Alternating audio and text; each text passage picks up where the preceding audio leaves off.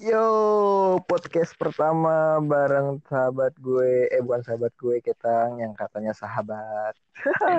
Parah banget Andai. Iya gimana gimana? Apanya gimana? Kita mau mulai dari mana? Mulai dari nol. Yes, I know that, but bukan itu maksud gue. Ya, sekarang kan lagi, ya lu tau lah, lagi, lagi kita ngomongin yang lagi rame-rame aja. Apa tuh? UKT. Mana ada UKT lagi rame, udah dari kapan tahu? Kan ya, ada UKT ya rame. Apaan sih? Aduh, Ya, yang lagi rame kan jokesnya itu banget. Oke. Copit, copit, copit. Copit 19. So, COVID-19 tuh apaan sih? Menurut apa lo? ya? Kan sekarang lagi rame Menurut nih ya, yang lu baca-baca lah, yang lu denger tuh kayak gimana gitu. Katanya sih virus yang membahayakan ya, bahkan sampai menggemparkan dunia sampai-sampai setiap manusia itu takut untuk menemui manusia gitu. Padahal dia tuh manusia, bukan hantu gitu. Jadi ya luar biasa aja sih gitu. Jadi harusnya dia juga takut sama diri dia sendiri ya. Iya bener juga. Takut sama manusia. Dan ya, berarti kan dia juga manusia, berarti takut sama diri dia juga dong ya. Harusnya sih seperti itu, tapi memang pada kenyataannya ya begitu. Nah, men, eh, gimana ya? Yang ya gue baca-baca sih corona itu corona kan nama aslinya namanya itu ya nama nama kodenya itu kan COVID-19 gitu loh. Yoi. Nah, yang ini tuh kan dari Cina gim- dari pemerintah nanggepinnya gimana sih untuk Indonesia tuh? Eh, di Indonesia, gue tuh sebenarnya sempet bingung aja ya gitu. Kenapa bingung? Karena kan udah dari awal gitu ya dikasih tahu bahwa di Cina itu lagi benar-benar terjangkit sama virus corona bahkan sudah banyak banget gitu ya Ya, pasiennya dan lain sebagainya gitu. dari akhir Dan kan ya, dari akhir tahun 2019 kan kalau di Cina tuh. iya, sudah lama gitu kan.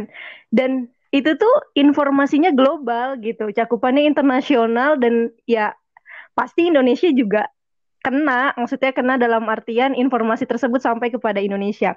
Cuman yang sangat disayangkan, kenapa pemeri- pemerintah itu tidak was-was dari ketika virus corona itu muncul loh.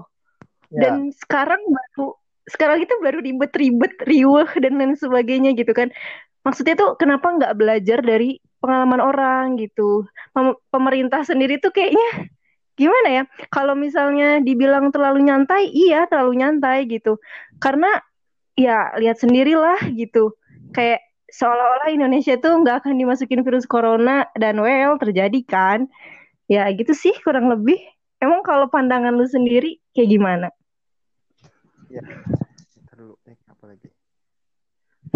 Gue, gue sih nggak kalau sebenarnya kalau dilihat sih eh, buat yang nggak terlalu parah dengan di Cina sih ya. Kayak dulu kan rame beritanya sampai kayak ada yang pingsan di ini kan di tempat umum sampai naiknya pun sangat signifikan gitu kan bahkan sampai Iya betul sekali. lima dengan cepat banget lah gitu sedangkan dilihat dari Indonesia sekarang baru bahkan terbaru kan 300 gitu loh Mhm. 300 dan entah ya yang dilakukan bahkan bingung sih di Cina di Cina bah kayak nanggepinnya meskipun cepet tapi efektif gitu Mhm. bisa, bisa nge, nge apa namanya nekan banget kan angka kematian yang bahkan sekarang aja berita terbarunya 80 ribu kan di Cina itu di Cina itu Iya. 80 ribu sedangkan yang meninggal itu 2 ribuan ya 2 ribuan 3 ribuan jauh gitu Iya. Sedangkan Mhm. Indonesia dengan sekarang posisinya dari persentase terbesar pertama gitu loh yang justru ramenya itu baru baru-baru sekarang pertanyaannya ini loh. Uh, di Cina itu dari akhir Desember ramenya itu kan rame bulan Januari. Negara-negara lain bulan Februari udah rame, Indonesia masih nyantai. Dan sekarang Indonesia rame dengan nilai 300. Apakah itu nilai benar? Oke, okay, ya juga sih ya kalau dipikir-pikir. Sebenarnya apakah yang yang jadi pertanyaan dan jadi permasalahan, apakah corona yang ada di Indonesia itu real datanya atau sebenarnya ada sesuatu yang sedang ditutupi dengan maksud biar nggak panik lah warganya atau ya itu sih sebenarnya yang jadi pertanyaan buat gue juga. Ya, sebenarnya mungkin kalau jadi meskipun ditutupi pun pasti ya itu tadi gitu nggak pasti nilai positifnya supaya nggak panik gitu kan. Mm-hmm. Nah tapi dengan dengan sampai kebijakan pemerintah yang istilahnya dengan menutup atau meliburkan sekolah, pendidikan, bahkan sampai ulama pun di beberapa daerah menfatwakan untuk beribadah di rumah kan itu berarti kan udah udah bukan harus apa bu, udah bukan pandangan sebelah mata lagi gitu. Mm-hmm, bener banget. Cuman gini ya, yang jadi kesalahan itu ketika pemerintah itu hanya memfokuskan kepada salah satu daerah yang benar-benar terjangkitnya sudah luar biasa gitu. Sedangkan yang gue dengar salah satu cara pencegahannya itu ada tiga gitu. Yang pertama itu lockdown, yang kedua itu pemeriksaan skala ber, secara berkala, yang ketiganya nah ini gue lupa yang ketiganya itu apa. Nah, pemerintah itu sudah melakukan pencegahan yang pertama lockdown, cuman yang disayangkan itu yang kedua pemeriksaan berkala. Sedangkan kita nggak tahu ya, maksudnya tuh diri kita sendiri aja nggak tahu sebenarnya terjangkit atau tidak gitu. Nah, dengan diadakannya pemeriksaan berkala, itu tuh membantu banget loh buat menyamaratakan seluruh daerah yang ada di Indonesia apakah eh, terjangkit atau tidaknya tuh jadi tahu gitu loh. Jadi jangan hanya berfokus kepada satu daerah aja gitu. Karena ya kalau misalnya hanya berfokus kepada satu daerah, kita kan nggak akan tahu nih ternyata di daerah lain ada yang lebih banyak juga gitu. Jadi itu sih yang negatifnya gitu ya dari pencegahan yang belum benar-benar efektif tuh ya kayak gitu gitu. Nah, tapi sebenarnya yang dari pencegahan pertama pun menurut gue mah masih belum terlalu benar-benar disampaikan gitu. Karena hanya menyampaikan uh, hanya menyampaikan bahwa kita melakukan ini tanpa ada gerak dari pemerintah gitu. Kayak di luar negeri uh, sama melakukan kayak untuk jangan keluar rumah tapi pemerintah pun nggak tinggal diam gitu. Mereka masih tetap apa namanya mensuplai logistik dan berbagai materi gitu kan. Sedangkan di di sini gitu kan bisa kita lihat adanya penimbunan. Berarti kan itu pemerintah kayak hanya melakukan eh untuk melakukan ini tanpa ada yang lain gitu kan. Iya juga sih. Iya sih sebenarnya. Memang sih peran pemerintah sampai sejauh ini sangat-sangat dipertanyakan gitu kan. Maksud itu dalam artian eh, ketika pemerintah itu mengeluarkan himbauan gitu ya, ya berarti pemerintah itu punya harus apa ya? Intinya tuh kayak ya harus punya peran gitu. Perannya tuh apa yang mengedukasi masyarakat gitu kan. Apalagi kita itu kan Indonesia berbagai macam suku, berbagai macam daerah, bahkan daerah-daerah terpencil pun. Mereka kan barangkali ada yang nggak tahu lockdown itu apa, social distancing itu apa gitu. Jadi makanya kenapa masih banyak orang-orang yang bertebaran di dunia, ya bukan di dunia deh, di Indonesia. Masih banyak banget orang-orang yang mengira bahwa ah apaan sih corona? Ya udah sih keluar mah keluar aja gitu. Ya maksudnya tuh jadi ya karena mereka nggak paham maksud dari lockdown itu apa social distancing itu apa dan yang namanya manusia itu kan butuh kehidupan ya. Kebayang nggak sih kalau misalnya gue nih gue naik kosan gitu kan gue nggak balik kebayang nggak sih anak kosan kalau nggak keluar mau makan apa gitu kan nah setidaknya pemerintah itu kalau misalnya memang e, benar-benar mencanangkan himbauan dengan untuk tidak keluar rumah gitu ya berarti pemerintah juga harus punya peran gimana caranya orang-orang yang di rumah itu ya kebutuhannya juga tercukupi gitu sedangkan kan udah tahu ya kalau misalnya manusia itu nggak bisa lepas dari sandang, pangan, papan gitu. Ini pangan loh, mau hidup kayak gimana kalau asupan supply makanannya aja nggak ada gitu loh. Ya, itu sih mungkin ada gerak pemerintah, cuman mungkin ya nggak terekspos aja atau mungkin karena ramenya yang uh, ya karena ramenya tuh mungkin karena panik gitu kan ya, mm -hmm. taunya penyebarannya luar biasa gitu corona ini gitu kan mm -hmm. Meskipun sebenarnya kalau baca-baca lagi ya rata-rata paling banyak yang kematian itu karena ya di usia-usia renta di usia-usia lanjut dan memiliki meskipun di usia muda pun memiliki penyakit yang emang kronis gitu. Kayak iya benar komia itu kan lumayan jadi rentan segala hal penyakit masuk gitu iya. Ya iya sih. Sebenarnya kita juga nggak bisa bersikap atau apa ya berpikiran bahwa ah, ada pemerintah mah nggak ada peran apa pun. Sebenarnya juga kita salah ya kalau misalnya berpikiran seperti itu karena kita tidak tahu gitu pemerintah sedang apa saat ini. Mungkin mereka sedang memikirkan bagaimana bagaimana caranya ini terhentikan gitu kan. Yang katanya uh, siaganya itu status siaganya itu sampai Mei gitu kan. Kebayang gak sih kalau misalnya emang bener status siaganya dilaksanakan sampai Mei gitu kan. Gue emang kebayang gitu gimana gitu. Makanya ya mungkin belum terlihat aja gitu secara realnya peran pemerintah gitu. Tapi sejauh ini mungkin mereka sudah melakukan yang terbaik. Cuman kadang memang segala sesuatu yang tidak terlihat itu menimbulkan banyak tanya gitu. Makanya ya begitulah gitu. Menimbulkan pertanyaan-pertanyaan pemerintah ke mana? Kemarin-kemarin ke mana aja gitu. Padahal sebenarnya mereka juga kewalahan dengan semua ini, Pasti. gitu sih. Nah, yang sekarang yang belum lama tadi gue lihat itu katanya pemerintah bakal mengadakan tes massal secara drive-thru karena nah, ya itu itu dari uh, luar katanya. Mm -hmm. Nah, mungkin ya kita sebagai rakyat gitu kan masyarakat yang kita pun harus ambil, ada andil gerak gitu loh mm-hmm. menunggu sambil mendukung semoga ya cepat realisasi gitu kan dari mm-hmm. masalah ini supaya ya bisa mengurangin dengan cepat nggak sampai ya minimal nggak nggak nambah lagi gitu kan dari kasus yang mm-hmm. bahkan udah nyampe 309 dan yang meninggal 25 25 orang gitu kan. Mm-hmm.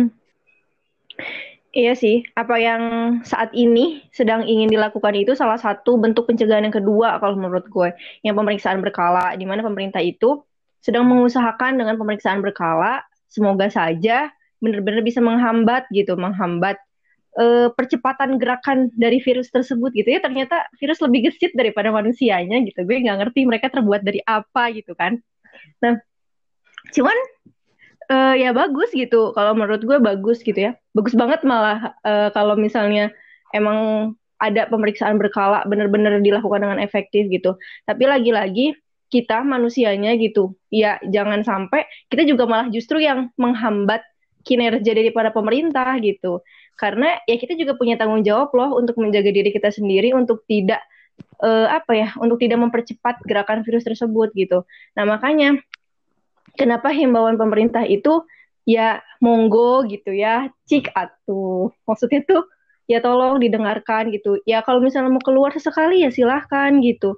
Tapi ya ya jangan juga menyepelekan gitu. Sebenarnya virus corona itu nggak ada yang harus ditakutin gitu ya. Cuman eh, kekhawatiran-kekhawatiran yang luar biasa apa ya penyebaran yang luar biasa cepat gitu itu yang sangat dikhawatirkan gitu. Sebenarnya kita cuman cukup waspada, berhati-hati, dan yang pasti jaga imun yeah. tubuh kita sendiri. Karena yang paling penting itu ya imun imun yeah. kita sendiri. Ketika kita terjangkit nih dari virus terjangkit virus corona, kalau misalnya imun kita nggak baik, ya kita nggak akan bisa bertahan gitu. Lagi-lagi segala sesuatunya kembali kepada diri sendiri gitu. Ketika pemerintah mengusahakan yang terbaik, tapi diri kita sendiri tidak mengusahakan yang terbaik, ya kita nggak pernah ikut andil untuk mencegah virus corona kalau kayak gitu gitu. Iya, karena sebenarnya kan kalau kita baca-baca lagi pun coronavirus ini termasuk kepada uh, kriteria flu gitu kan, flu demam mm-hmm. itu gitu. Hanya ya mm-hmm. yang membuat uh, begitu diperhatikan karena penyebarannya ini yang luar biasa karena yeah. corona ini dengan penyebaran yang tinggi tapi untuk uh, nilai resiko tingginya itu ya terbilang rendah beda dengan Ebola yeah. seperti itu kan Ebola tingkat penyebarannya rendah tapi untuk tingkat resikonya itu tinggi nah hmm. yang dikhawatirkan dari corona ini kan sebenarnya penyebarannya kalau misalkan hmm. penyebarannya banyak sampai kayak ya jumlah kasusnya yang terjangkit itu banyak dan rumah sakit hanya sedikit bisa menampung kan pasti bakal chaos hmm. gitu kan itu sih yeah. yang sebenarnya harus dari masyarakat diubah itu bahwa ya sebenarnya kalau dibaca-baca lagi coronavirus ini itu ya tingkat resikonya terbilang rendah justru kan virus ini tuh bisa sembuh dengan imun tubuh kita sendiri iya ya benar. tubuh kita hmm. kuat gitu loh Iya benar. Tadi ya menyikapi tentang virus corona itu tingkat resikonya rendah ya. Memang benar gitu ya dibanding yang lainnya bahkan cuma 8% di antara 100% gitu. Berarti kan kecil sekali gitu kan ya. Cuman ya gitu lagi-lagi masyarakat itu harus dikasih pencerdasan gitu, harus dikasih pemahaman. Maksudnya tuh kenapa sih harus dikasih pemahaman? Ya karena tadi bener gitu. Fasilitas rumah sakit yang ya masih begitu-begitu aja gitu kan ya Terus lagi-lagi SDM dari para tenaga medis juga yang ya bisa dihitung lah ada berapa dibandingkan dengan jumlah pasien yang ada saat ini gitu. Makanya kayak kalau misalnya emang kita mau berkontribusi, ya tolonglah gitu. Maksudnya tuh kasihan gak sih sama tenaga medis yang nggak bisa bercengkrama dengan keluarganya, yang harus ngelayanin pasiennya. Tapi kita sebagai masyarakat masih aja nyepelein hal-hal yang kayak ya udah sih, ya udah sih gitu. Kayak mikirnya ya udah sih gitu kayak ya udahlah corona corona gue gue gitu tapi kan nggak bisa kayak gitu ini tuh bukan tentang diri kita sendiri tapi ini tentang kita semua gitu jadi ya ber bekerja samalah dengan baik ya mungkin itu cukup kali ya buat corona nah mungkin sekarang gue pengen masuk ke bagian ini sih uh, ke bagian menyikapi dari coronanya itu dari se ya kita kan menyikapi dari mahasiswa IPA gitu kan menyikapi mm -hmm. dari uh, fatwa beberapa daerah yang mm -hmm. mungkin kalau di luar di luar mungkin kita bisa melihat ya bahwa mereka udah tinggi gitu kan sampai di um, Masjidil Haram dibekukan kan ya mungkin di sana tinggi gitu kan nilai -hmm. angka terjangkitnya tapi untuk di Indonesia dengan di da beberapa daerah kayak mungkin di Bandung dengan menutup atau menghentikan menghentikan sholat berjamaah di masjid dan sholat Jumat digantikan dengan sholat zuhur menurut lu gimana sih menyikapinya? Menurut gue ya, gue tuh sebenarnya sempat diskusi juga ya perihal ini sama ibu gitu ya. ya. sebenarnya di satu sisi ya gue masih bersyukur gitu masih ada yang menghimbau untuk pergi ke masjid gitu tapi lagi-lagi kalau gue ya lihat dulu daerah mana nih. Daerahnya itu daerah mana? Apakah daerah ini udah benar-benar terjangkit kayak misalnya Jakarta itu kan udah luar biasa gitu kan. Yeah. Ya rumah tempat ibadah terbaik gitu untuk saat ini gitu.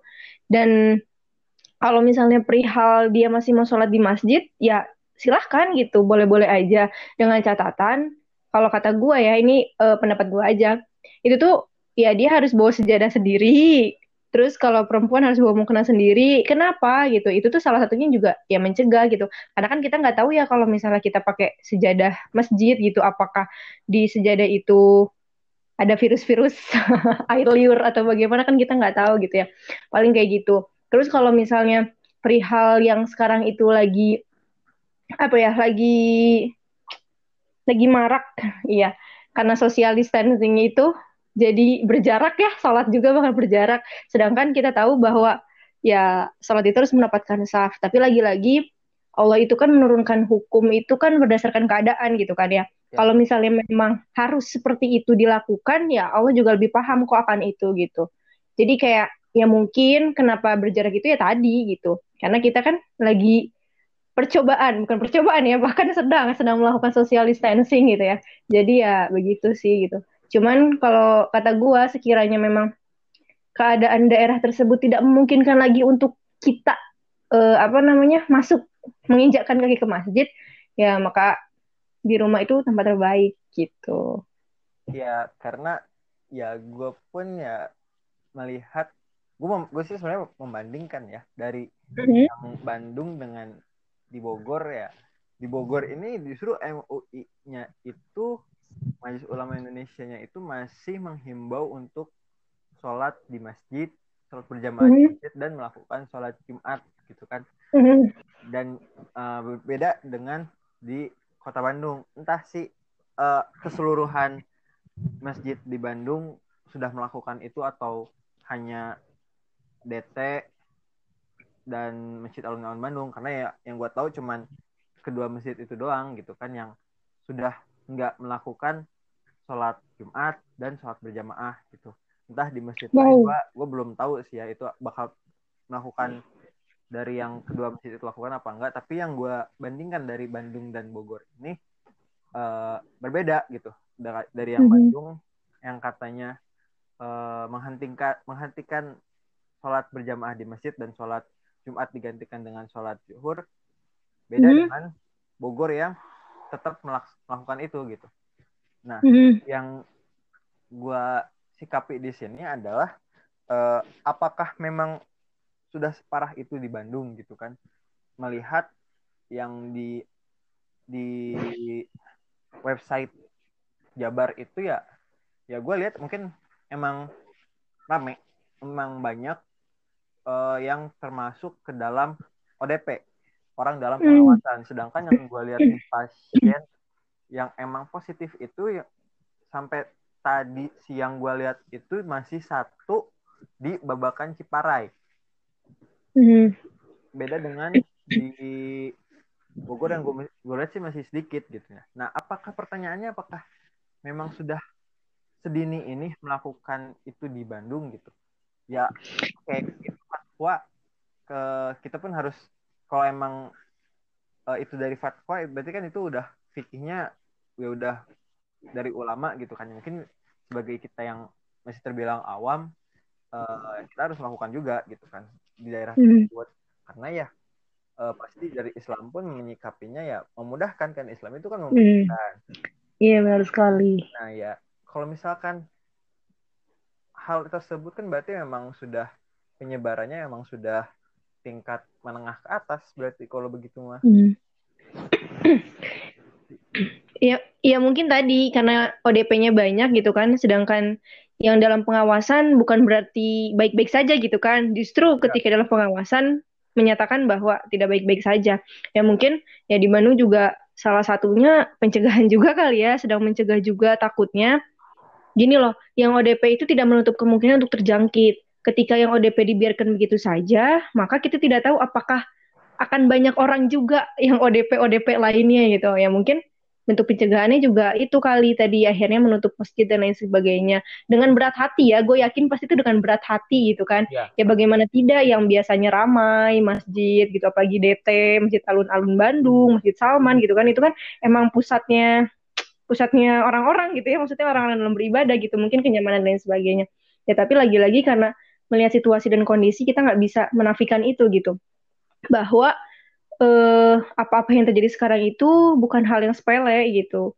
Karena ketika satu orang sudah terjangkit gitu dan dia tuh nggak tahu gitu dan dia dengan seenaknya eh, apa ya dengan seenaknya ke orang lain tuh secara luasa gitu ya itu juga membahayakan juga sih gitu.